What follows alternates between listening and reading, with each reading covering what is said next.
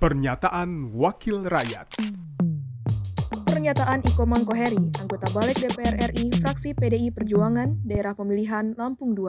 Saat RDPU Balik DPR RI dengan produsen minuman beralkohol tradisional dan tokoh adat daerah, Selasa 27 September 2022.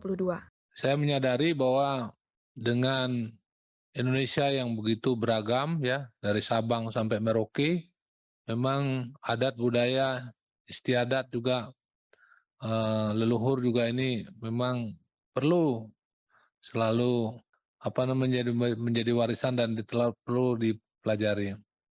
Jangan sampai seperti sekarang ya, bahwa sekarang di daerah tertentu ya, saya lihat ini Bapak dari Aceh ya, ya, bahwa sekarang ada uh, negara tertentu yang sudah melegalkan yang namanya sekarang apa namanya itu Ganja. Yang di Aceh itu ganja itu kan. Padahal kita tahu ganja itu ya memang bisa untuk menjadi pengobatan juga medis ya. Alangkah besarnya devisa kita kalau itu bisa menjadikan medis juga. Nah ini kan merupakan sebuah uh, kebiasaan ataupun adat segala macam.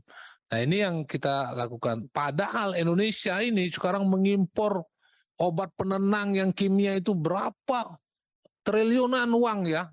Nah ini jangan sampai ini juga eh, RUU ini menjadi pesanan-pesanan juga negara-negara lain sehingga kalau ini dilarang ini juga akan uh, menjadi juga akan uh, menjadi apa yang dikatakan dari Bali itu.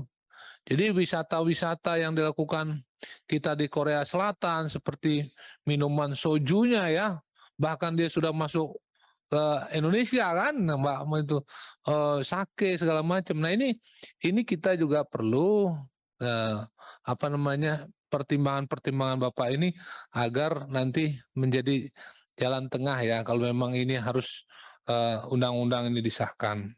Pernyataan Iko Mangkoheri, anggota Balik DPR RI, fraksi PDI Perjuangan, daerah pemilihan Lampung II. Produksi TVR Parlemen Referensi Indonesia, Biro Pemberitaan Parlemen, Sekjen DPR RI.